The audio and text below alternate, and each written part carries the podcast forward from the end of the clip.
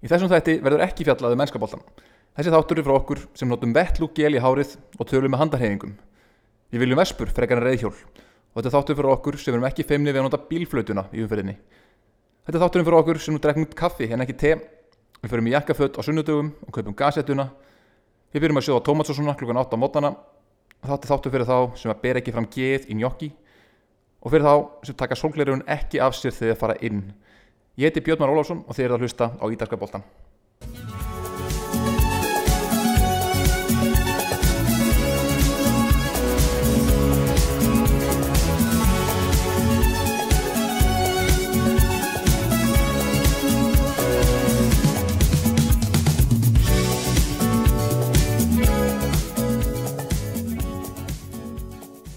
Já, verið hjartanlega velkomin í þennan fjórða þátt Ídarska boltans.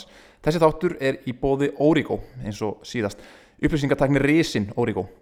Og fyrir ykkur sem er í sömu stuð að ég að rempast í fjárvinnu eða eru kannski að taka klassiska COVID-kvisið með vinahopnum eða hitta sömaklubin gegnum Zoom eða Skype þá er Origo auðvitað með allar lausnir fyrir fjárvinnu og fjárskemtun. Tölfur, skjái, myndavelar og fjárfundalausnir og svo auðvitað verður maður að kaupa einn iPad fyrir krakkan svo hann trubli ekki sömaklubin. Órigóið með þetta allt saman og ég þakka þeim kellaði fyrir það. Þátturinn verður þannig að fyrst allega fara yfir leiki vikunar áður við kíkjum aðeins á framistöður Íslendingana á Ítali og það er nú heldur betur fréttir þar.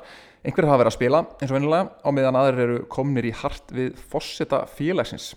Og síðan lókin muni deila út gullnu ruslaturinni. En áður en við byrjum þá ætla ég að segja nokkur orð um ammaliðspann vikunar því að síðasta föstdag fagnaði Diego Armando Maradona 60 sammælinu sínu sama dag og knaspinu stjarnan að sjálfsögðu. Maðurinn sem hefur lifað hvern einasta dag að þessum 60 árum sínum eins og það sé síðasti dagurinn í jarnesku lífi hans, Maradona, hann kom þetta til Ítalíu á árið 1984, kom til Napoli frá Barcelona uh, og vann síðan tvo titla með Napoli, fyrstu og einu Ítalíu titlarnir sem að Napoli hefur. Það kannski ekkert úr vegi að rifja aðeins upp söguna því þegar uh, Maradona fór til Napoli því hann spilaði með Barcelona sem fyrir segir árið 1984 og þá var Barcelona á leiðinni í ferðalag, æfingaferðalag til Ítalju þar sem þeir ætlaði að spila síningarleik við ítalska knastbundufélagið Avellino þar sem Avellino var að výja nýja völlu sin og það var stjórnarmæður hjá Avellino að nafni Pierpaolo Marino sem hafi verið í sambandi við forúðamenn Barcelona um að skipuleika leikin og svo fekk hann þetta en fax. Hann stóð að Maradona myndi ekki taka þátt í síningarleiknum og þessi Pier Paolo Marino, hann grunaði strax að það væri eitthvað skrítið í gangi að, og hann þetta, var greiðilega ósattu við það sem fulltrúi af Elíno að Maradona myndi ekki mæta með Barcelona liðinu. En hann eh, grunaði að það væri eitthvað að gerast og, og nú er það tækifæri til að kaupa eh, Maradona. Þannig að hann tók upp síntalið og ringdi í forraðamenn Sampdoria sem heldur um að ræða símat eh, og þá ringdi hann í Juventus þeir voru nýbúin að kaupa Platini. Þannig að það var ekki plássverið Maradona þar og þá ringdi hann í vinsinn sem var yfirmar írættamála hjá Napoli og þessi Giuliano, yfir maður írættamála hjá Napoli, hann gleifti agnið og ferðaði strax til Barcelona og fór að semjum kaup og gjör uh, og lókum var eina sem vantæði peninganir og það fjármögnuður með því að tala við alla banka og alla stopnarnir í Napoli sem að gáttu, áttu einhvern pening álögu. Og fósitið Napoli og, og fulltrú af bankana heldur ótal fundi þar sem þeir betluðum pening. Og stærstu viðskiptafundinni voru að sjálfsögðu haldnir um borði snekju fósetta Napolis í golfóti Napoli, Napoli flónum utar um strendur uh, strendur ferðmanna eigunar Capri. Og eins og Corrado Ferlaino fósetti Napoli sæði það er kosturinn að halda viðskiptafundum borðið snekju því ef einhver verður reyður og ætlar að ganga út af fundurum í fúsi þá verður ekki hægt að yfirgefa snekkuna þannig að einhvern veginn tókstum að sapna saman þessu peningum sem að þurfti og uh, Napoli keifti uh, Maradona öllum að óverum og the rest is history eins og menn segja Napoli hafði á þeim tímur að barist við, fall, við falldraugin í mörg ár en uh, með tilkomu Maradona þá breytist það heldur betur og enduði að því að vinna tvo Ítalíu mistara tilla. Það má þetta færa rauk fyrir því að Leonel Messi sé besti knarspöðumæður allra tíma og á fast og hæla hans komi Portugalin knái sem að spila með Juventus í dag en uh, það er kannski afnöðun á sögun eða afskrifa alla þá sem spiluðu knarspöðum á árum áður, ég held að Messi og Ronaldo hafi slegið öll með hvað var þar markaskorun og tilla. Í fyrsta legi leiku þetta Maradona Eh, knastbyrnu og erfiðum tíma fyrir sóknamenn eh, það er til eh, nýlega kveikmynd um ja, ævi Maradona sem kom út í kveikmyndahúsum í fyrra. Og í kveikmyndinni má sjá meðferðina sem hann fekk frá varnamörum þess tíma. Það var okkvíkjandi varnadurgar sem var að lúrðu á bakvið hverja þúi og hann mætti þóla fleiri spörk heldur en flestir aðri knallsveitum en hafa fengið á æfinni frægast er aðvikið auðvitað þegar hann spilaði með Barcelona og fekk óblíðar móttökur frá varnajægslunum Goycochea sem endaði auðvitað með fótbroti hjá Maradona uh, síðan fekk hann auðvitað líka uh, óblíðar móttökur uh, þegar hann leik með argentíska landsliðinu á móti Ítalju hefði hann sparkaði niður svona 17 sinnum í einum leik. Vellinir á þessum tíma voru líka öllu lagari heldur en þessar Wimbledon grasmóttur sem að fókbaltið spilaði á í dag. Dómar voru líka heldur rægir við að spjalda menn á þeim tíma og spjöld fyrir uppsöfnu brot auðvitað þekktust ekki. Þannig að það var skiptingum máli hversu oft þú var sparkaði niður ef broti var ekki nóg alvarlegt þá var dómarinn ekkert að spjalda menn síðan leik Maradona auðvitað líka á þeim tíma þegar eh, aðeins voru gefinn tvö stig fyrir sigur og eitt fyrir jafntefni þannig að fútboll í þessum tíma var auðvitað miklu, miklu varnarsinnaðri og því kannski eh, erfið, ennþá erfiðara eh, fyrir þessa sóknar snillinga að leika listi sínar heldur en er í dag hjá Messi og Ronaldo. Og í þriða lagi uh, ástæðan fyrir því að Maradona er sennilega besti knarspiðum að ráta tíma er auðvitað að hann vann titla með Napoli. Félag sem var í botbaratu áður hann kom um, sem hefur aldrei unnið titil, hvorki fyrr nýja síðar og uh, þetta er eitthvað sem að ég held að engin annar svona stór knastbundum að er muni leika eftir að fara í botlið uh, í öðru landi sem hefur aldrei spilað í áður og uh, verða þessi ótrúlega góðsögn Þannig að eins og Maradona, 60 fyrstæðin síðastliðin, hann fær heitar kveður frá þættinum ítalski boltinn. En þá skulum við fara í leiki vikunar og deildin hófst á laugadaginn þegar Crotone fekk Atalanta í heimsókn. Atalanta er þetta sem að leiku við liðpúli í meistrardeldinni núna í kvöld eh, er þetta búin að vera í bastli í deldinni það verið að fá svo mörg mörg og markaskorunum hefðum hafa svo sem verið í lægi en þeir áttu í þokkalega litlum vandræðum með Crotone, nýliðana í Crotone. Uh, Luis Muriel, kolumbíski snillingurinn spilaði upp á topp í þessum leik. Hann skoraði tvö mörg, mjög svipu mörg uh, fekk bóttan og slútaði áður en uh, markmaðurinn eða nokkuð vartamæður hjá Crotone náða koma vörnum við. Þannig að þetta var nokkuð öðvöldur 2-1 sigur hjá Atalanta í uh, fyrsta leiknum á lögadaginn annar leikur lögadagins var öllum meira spennandi. Þar fekk Inter Parma í heimsókn. Inter er með einhverja ákveðna Parma grílu sérstaklega heimavelli, Parma hefur verið að taka stig þarna síðustu ár og uh, þessi leiku var, ein, var engin breyting gerð á því. Uh, Inter ákveða að mæta með Halloween þema á vörnunni sinni því að hún var algjörlega hryllileg frá upphæðu til enda Uh, og Gervinjó, gamle maðurinn hjá uh, Parma, maðurinn sem hefur verið kannski ein, einna atkvæða mestu síðustu tvö ár hjá þeim. Uh, jafnveg þótt hann fær nú að vera orðin ansi gammal hann gerði bæði mörg Parma og bæði voru keim lík fyrir að var hann glæsilegt mark þar sem hann slútaði fyrsta eftir bara einfalda stungusendingu inn fyrir vörnina. Og setna markið þá slútaði hann bara auðveldlega fram hjá Handanovic í marki Inter aftur eftir eftir einfalda stungusendingu. Um, vel gett að Parma komast í 2-0 og Inter, þetta lið sem ætlaði að vera í topparótu með Antonio Conte í brunni voru heilum hornir í eh, fyrirhálagnum eh, en síðan setna hálagnum þá fóru þeir að sækja aðeins í veðrið, sérstaklega sóknarlega. Og fyrst var að Brozovic sem að mingaði munin með eh, glæsilegu marki fyrir utan teik.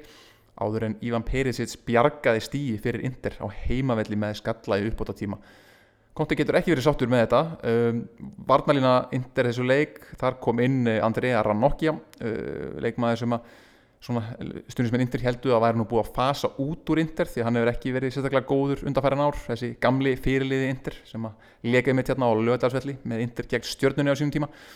Um, en þeir voru, já, léliði varnalega og Parma sem hefur nú ekki sínt mikið í þessu leikum þeir síndu stíganda í þessum leik og þótti séu ennþá að treysta á gömlugallana og sérstaklega Gervinjó þá voru svona fítni taktar í leik þeirra heldur en þeirra var áður sín á lögðarskvöldið var síðan eh, já, mest spennandi leikurinn svona fyrir okkur íslendingana þótt að Andri Fannar Valdursson hafi ekki komið sögu í þessum leik, hann var á bekknum allan tíman en þar fekk Bologna Cagliari heimsókn. Og þetta var auðvitað gríðarlega skemmtilega leikur á hors, leikurinn fór 3-2 fyrir Bologna, þetta var nöyt sterkur sigur hjá, hjá eh, liðinu hans andra. Cagliari komst tvísvar yfir leiknum í upphafi leiks og svo aftur í upphafi sérahleiks en uh, varnarleikur Cagliari var gríðarlega slagur og var þeim að fallega lókum Diego Godín uh, fyrir varnarmæður Inter og Alltíko Madrid sem spilaði með þeim í meistaröldinni hann er komin til uh, Cagliari. En þetta er eiginlega bara ekkert uppgreitt frá Ragnari Klavan sem var hann áður.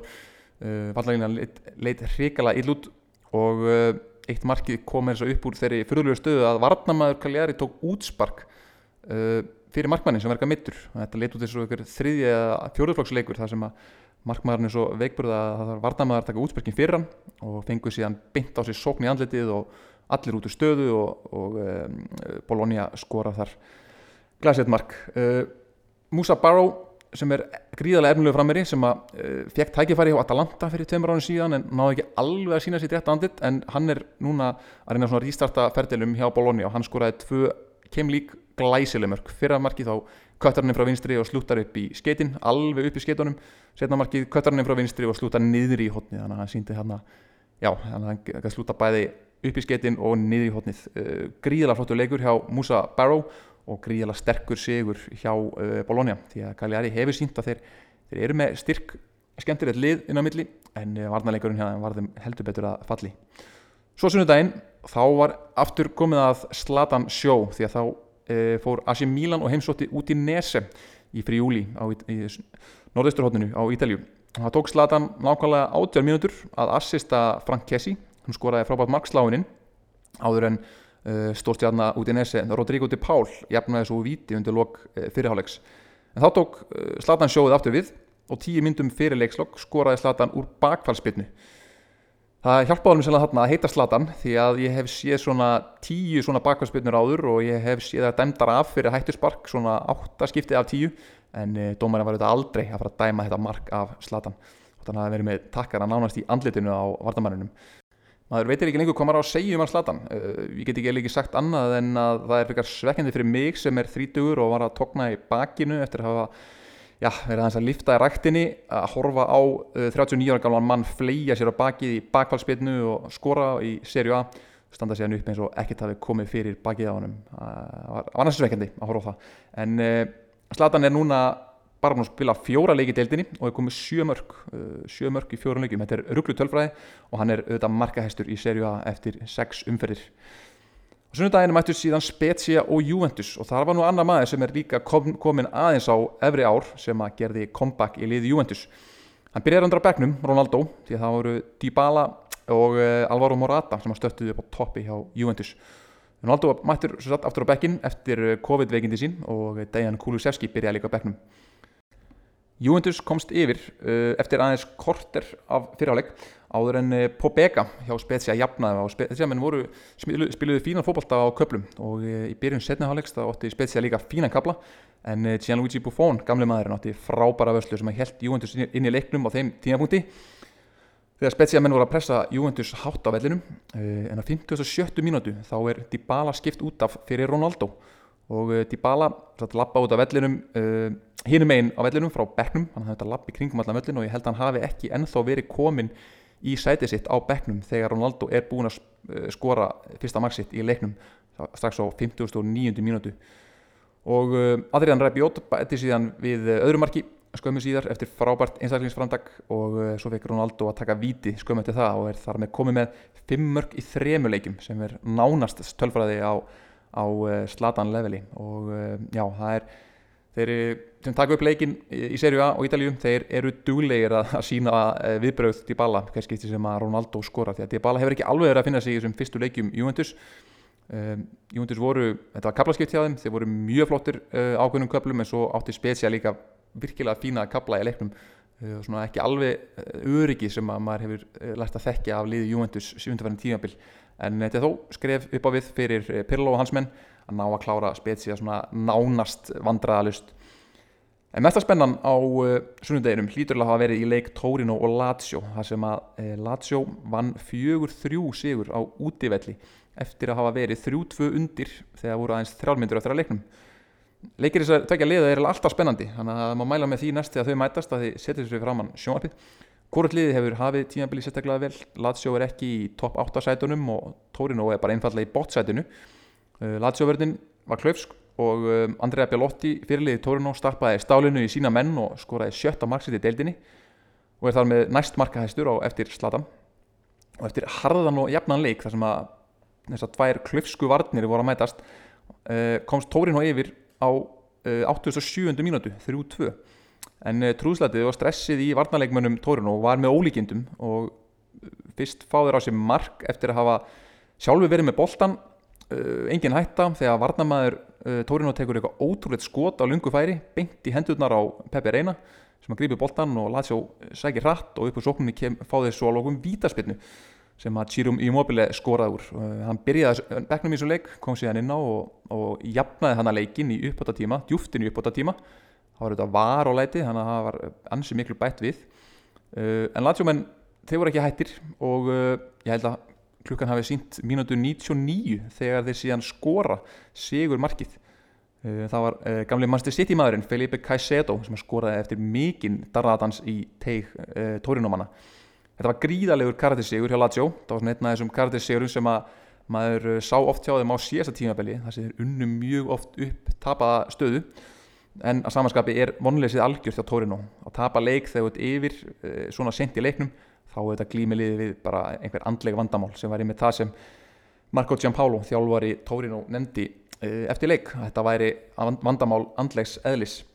E, Giampaolo var í fyrra þjálfari AC Milan í upphafi tímabils og var reygin eftir sjö umferðir. Nú eru búinar sex umferðir uh, á þessari, þessu tímabili og staðan er ekkit sérstaklega góð þannig að það er spurning hvort að hann fái kannski strax núna eftir uh, næsta leik. Hann á leik núna í miðri viku og svo næstu helgi gegn Crotone. Og ef hann, ef hann gengur, gengur ekki betur heldur en hann gekk í þessum leik þá held ég að sé ansi víst að hann fái stígulið frá Urbano Cairo, fórseta Torino. Nú síðan mætti Napoli Sassuolo, þetta var sennilega eitt svona fallegasti e, þessari umferð. Tvö lið sem að spila gríðala fótballta. Sassuolo vantaði bæði aðal markaskóraðan sinn upp á topp, e, Ciccio Caputo sem að ferri góðu ganni og samátti við um Domenico Berardi sem, sem er líka stjörnu leikmaða liðsins. En þeir voru með unga og spræka leikmenn og á miðjunni þá voru þeir með Manuel Locatelli e, sem er 22 ára, Maxím López sem er 23 ára, nýleikmaður frá Marseille pingulítill, 1.67 og síðan voruð við með uh, Hamid Traore sem er ungur efnilegur uh, bróðir leikmannsins hjá Atalanta sem að Manchester United er búin að kaupa búin að kaupa í kemur því Manchester United í januar og Sassuolo með þessa já, svona ungu óreindu og hérna svona, svona veiklulegu miðju þeir bara áttu frábæna leik. Það er mjög skemmtilegu leikur, bæði liðningu færi en eh, Sassuolo kláraði þennan leik og markaskóruðni voru einmitt miðjumennir, eða tveira miðjumennir þeirra Manuel Locatelli og Viti og síðan skoraði Maxim López glæsilegt mark. Maxim López heitlaði mjög marka í þessu leik uh, hann kom fyrir tíanbilið frá uh, tilísins frá Marseille uh, og já, þetta er mikið talað um hennan, hennan strák og já, hann var sennilega að gera tilkalli það að, að starta flesta leiki hjá Sassuolo. Það var gríðarlega sterkur sigur á Sassuolo en ekki alveg það sama hjá, hjá Lazio. Þeir, þeir fengu færi, sérstaklega í fyrirháleik en Viktor Ossimenn framherrið er að hann fór illa með 2-3 dauðafæri og uh, Dries Mertens líka fann sig alls ekki leiknum fannst mér. Þannig að þetta er nú uh, eins og þetta leit nú vel út fyrir Lazio uh, í fyrstu leikjunum, það sem er unni stort þá hafa það nú aðeins verið að dala núna upp á síðkastið. Síðan fekk Róma Fiorentina í heimsók og Fiorentina liði líka hefur gengið hræðilega illa upp af tímabils. Róma menn um, fyrir utan þetta 3-0 tap sem það var dæmt í upphafi þá hafa það verið að spila fína fólkvölda og uh, voru betri aðalinn í svona 87 mínútur á þessu leik. Fiorentina voru góður í fyrstu þrjálf mínúndar síðan tók Róma völdin og uh, útlitið var ekkit annað heldur en að Róma myndi vinna þennan leik Leonardo Spinazzola, bakurörun kom Róma yfir á 12 mínútu og uh, á 70. mínútu. Tvöfaldagi Pedro fóristuna, Pedro sem góð til Róma frá Chelsea og spilaður upp á topp með Mkhitaryan. Fyrir aftan eh, Edin Dzeko. Róma voru flottir í þessu leik. Eh, fjörun týramenn áttu virkilega fásvör eh, og sérstaklega fram á við, vörðin er ekki sérstaklega góð en framherðinni þeirra eru eiginlega, það er engin af þeim líklega til að skora. Dusan Vlahovic held ég sem er núlmörk hinga til í deildinni og hefur eiginlega bara held ég ekki átt skot á ramman og Kristján Kvame er líka flottu leikmaður en ekki sérstaklega markheppin hefur aldrei verið og þarf að bæta því við leiksin ef að eh, Fiorentina menn alltaf eiga einhvern sjans uh, á að rýfa þetta gengið sitt upp. Beppi Akini, uh, þjálfari Fiorentina er í enn heitara sæti heldur hann hefur áður verið og nú eru menn að mikill alvöru fannir að tala um uh, Maruccio Sarri eða Luciano Spalletti eða Vincenzo Montella sem að, til að koma og setjast í hans stað á bekkin Þannig skipta skoðanir þetta er undar þrýr mjög ólíki þjálfarar. Ég held að flesti Fiorentina stjórnismenn séu tilbúin að fá Maruccio Sarri eða Spalletti. En með hvernig Fiorentina gekk í fyrra þegar Montella þjálfaði liði þá held ég að það getur nú bara verið ávísun á, á reynilega bóttbaróttu þannig að skiljum ekki alveg að okkur þessir þrýr eh, eru nefndir orðaði við starfi því að það er svolítið mikill munur á statusnum sem að þessir þrýr þjálfarar hafa hjá Fiorentina stuðnismönnum. Nú, svo um kvöldið var komið að eh, derbi de la Lanterna, Genoa slægurinn á milli Sampdoria og Genoa. Fyrirháleikurinn var stórkvæmslegur, færi á báða bóga og Sampdoria uh, komst yfir uh, með markið frá Jakobi Janto sem átti flottanleik hjá, á miðunni hjá Sampdoria en það var svo Gianluca Scamaccia framherji Genoa sem að jafnaði leikin stór og stæðilegu strákur sem að mér sínist að var spilað með Alberti Guðmundssoni hjá Young PSV á sínum tíma en hefur ekki átt langan feril svo sem uh, í efstu deild á Ítalju uh, en erum múin að spila tvo leiki fyrir Genoa og skora eitt mark. Uh, já, mér finnst þetta fín leikmaður stór og sterkur strækjar Daninn Mikkel Damskort sem ég talaði með síðast á þetta átti ágættis leik en hann leiði svolítið fyrir það að þetta varð á endanum mjög grófur leikur engin rauðspjöld og kannski ekkit sérstaklega mörg gul en það voru alveg ótrúlega mörg broti í þessu leik og leikstopp. Og svona setniháleikurinn varð mjög lítið fyrir augað. Og sérstaklega var það kannski bankverður uh, bankverður Genoa Davide Biraski sem, sem að byrjaði tímabilið sem fyrirliði liðsins, datt svo út úr liðinu og mætti nú aftur inn í lið og hann var mættur á missjón að tækla menn því að hann komst upp með ótrúlustu hluti og það hann hafi sloppið með á þess að fá eins og guldspjald er ótrúlegt. Þannig að þetta var ekki leikur sem var mikið fyrir augað svona í setniháleik eh, samt voru að menn svona ívi sterkari og hafa aðeins fleiri vopni sínu vopnabúri. En eh, þá stert stigurunni fyrir Genoa í þessum leik. Á mánudaginn kláraði sér umfyrir með leik uh, Verona og Benevento. Og sá leikur hlýtur að vera gríðarlega vonbreiði fyrir Benevento. Þessir nýliðar sem hafa komið upp í deildina og spilað blúsandi sóknabólta, bæði skoratalsvett en líka fengið á sig mikið, ekki fengið sérstaklega vel borgað fyrir sínar framistöður. En þeir mættu Verona sem hafa líka spilað fína fókbalta en aðeins meira varnasinnað og þeir voru Verona fyrir leikin með markatörluna 6-2 í 5 leikum aðeins fengið á sig tvö mörg í fimm leikum um, og það með ansi nýja vörn uh, og með þeir miklu veitir þakka ja, vörnunni og markmærunum fyrir þetta því að uh, markmærun þeirra hann uh, Silvestri, Silvestri Marko Silvestri hefur uh, kannski verið besti markmæðu tímabilsins hinga til. Og uh, ungur varnamæður sem er líka alltaf að skrá nafnið hjá sér Matteo Lovato sem að tók við þegar Maras Kumbula var selduð til Róma núna í, uh, í sumar. Hann er búin að spila eins og kongur þessa fyrstu leiki og virðist vera gríðalegt efni. Aðeins fættur árið 2000 frábær hafsend og átti góðan leik hérna á móti Benevento. En það var Antonín Barak sem kom uh, Verona yfir þessu leik áður en Lapadula jafnaði fyrir Benevento. Gianluca Lapadula sem á fortíð úr Serju B og hann fekk sér neitt tímabil hjá AC Milan en sló reyndar alls ekki gegn þar og kannski heldur til marksum uh, þessa dökku tíma sem AC Milan gekk í gegnum fyrir nokkrum árum síðan. Uh, en það var síðan uh, hann Sakani sem að koma aftur uh, Verona yfir. Þá heldu Benevento menn frá, frá Vítarspilnum fengu ekki og Gianluca Caprari leikmann Benevento tók gamla góða fuck this shit rauðarspjaldið nefndi sér ekki lengur og let henda sér út af. Og þá varð eftir leikurinn auðveldur fyrir Verona sem kláraði leikin 3-1 með öðru marki frá Antonín Barak sem að líka mínum að þetta er svona skemmt, skemmtilegri miðjumönnum ítalsku deildarinnar. Gríðarlega flottur á velli og getur gert margt skallað góðu spilari og, og flottur leikmæður Eftir þessa umferð þá er það AC Milan sem er í eftirsæti með 16 stig eftir þessar 6 fyrstu umferðir og Sassuolo í öru sæti sem er kannski það sem kemur mest ávart Juventus í þriðja með 12 stig Atalanta í fjórðarsæti, Napoli, Inter, Verona og svo Roma í áttundarsæti. Á botninum þá er það Crotone nýlegaðnir sem, sem var spáða yrðu þarna í kringum botnin sem eru neðstir með eitt stygg. Torino með eitt stygg líka en eiga reyndar eitt leikti góða í vikunni þar sem þið mæta Genoa núna á eh, morgun. Og í þriðja fallseti er Udinese sem líka ólánið virðist leika við Spezia réttur ofan fallseti og Parma og Genoa þar fyrir ofan. Þannig að svona lítur staðan út í deildinni hinga til. Og þá er komið að því að fara yfir Íslendingana og þeirra framistöður í síðastlinni viku Andri Fannar spilaði þetta háluleik í ítalska byggatum í síðustu viku en spilaði síðan ekkert í deildaleg Bologna gegn Cagliari. Já, vinum okkar í Feneum þá spilaði Bjarkistedt Bjarkarsson allan leikin í byggaleg Venezia sem að tapaði í vítaspilningkeppni gegn aðdeldaliðinu Verona. Þannig að þeir voru bara hásbreið frá því að slá út aðdeldalið þegar maður hlýtur að svona, gefa honum byrjundi báða vangi og vonandi var framist að þannig að hann fái fleiri tækifæri.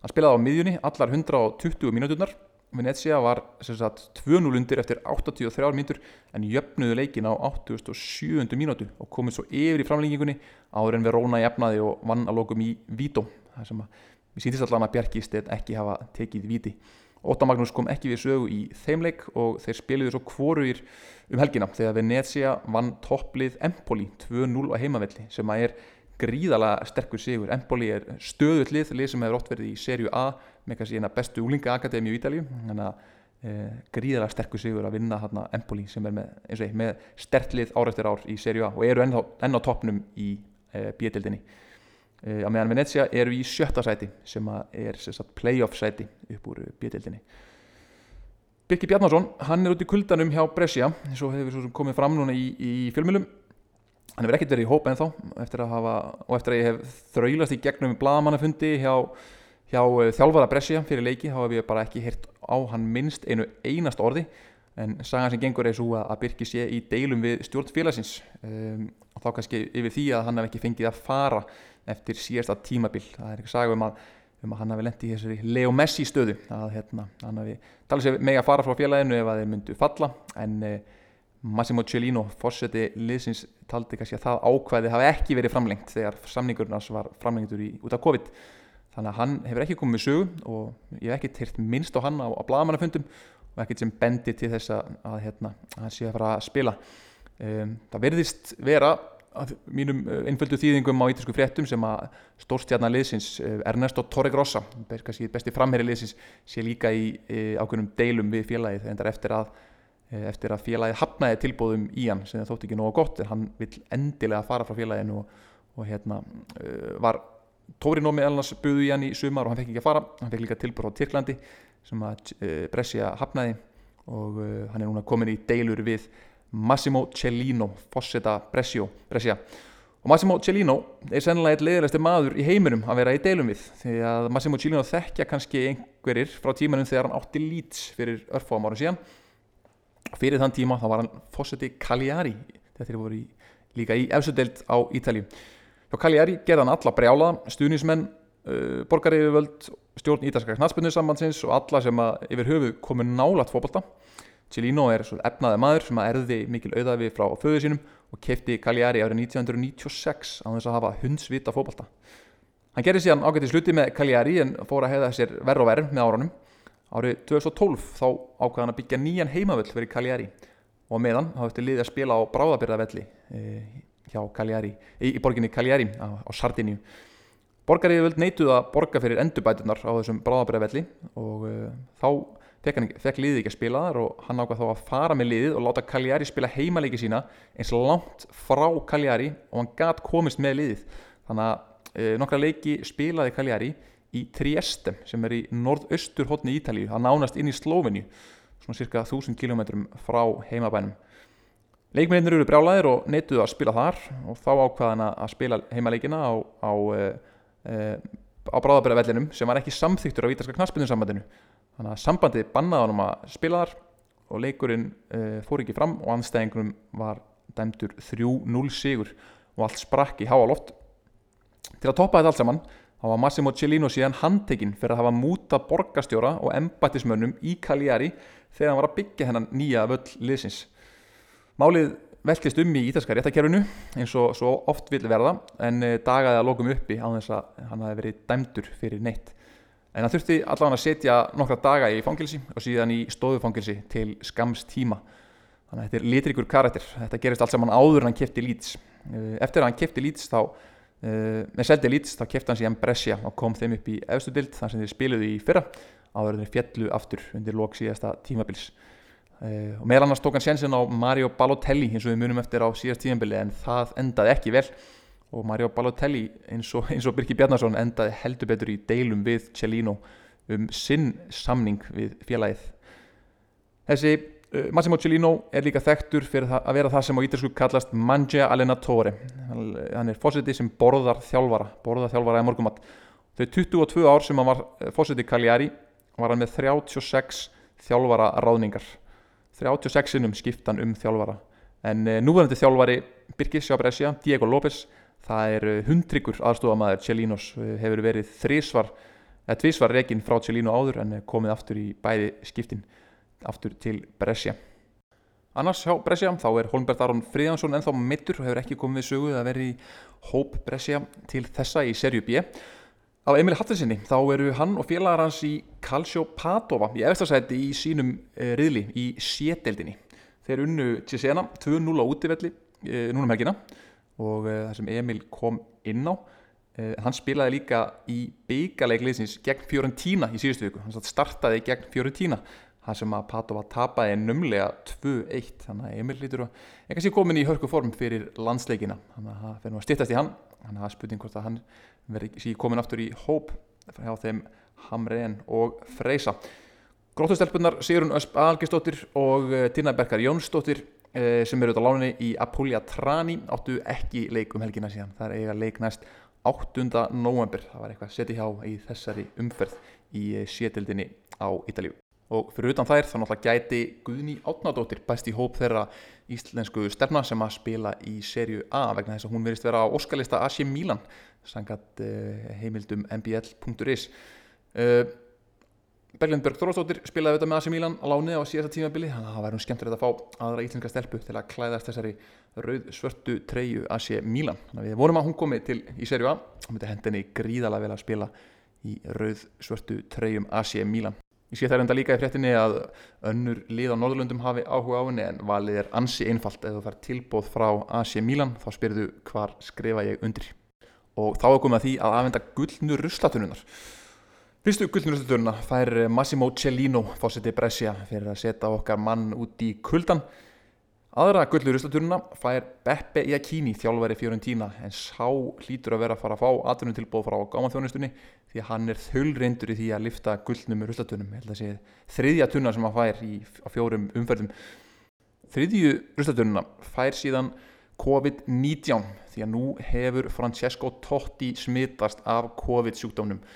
Aðeins nokkrum vikum eftir að hann misti föðu sinn, hann að við eh, og sakat ítilsku fjölmjölum þá var það úr COVID-19 Þannig eh, við vorum að COVID fari jafn vel með Totti og það fór með eh, Ronaldo og Zlatan Ibrahimovic sem að mættu aftur tilbaka í besta formi lífs þeirra. Þannig að við vorum bara Totti snú aftur á fotbolltaföldin eftir að hann eh, nara að losa sig við COVID-19 veiruna. Í næstu vikum þá ætla ég að stilla upp liði fyrstu sjö umferðana. Þá er landsleikjarlið, þannig að þá hafum við smá tíma til að gera upp þessar fyrstu sjö umferðir og ég tek út lið fyrstu sjö umferðana síðan munum líka auðvitað að fjalla um ídarska landslýsópin sem verður valinn þá. Og síðan ætlum við aðeins að skoða hvað Silvio Berlusconi er að bralla með nýja liðið sitt Monza í serju B. Kannski aðeins að rifja upp hvernig eh, aðkoma Silvio Berlusconi sem við verið að ítalska boltanum. En þetta allt saman í næstu vikum. Núni vikunni er eitleikur Genoa Torino á miðugudaginn, satt á morgun síðan um helgin að fá við stórleik Lazio og Juventus og eh, síðan mætast Atalanta og Inter og AC Milan. Top of the table fá Verona í heimsókn. Að það er nóga skemmtilegur um leikjum framöndan ég hveti ykkur öll til þess að horfa.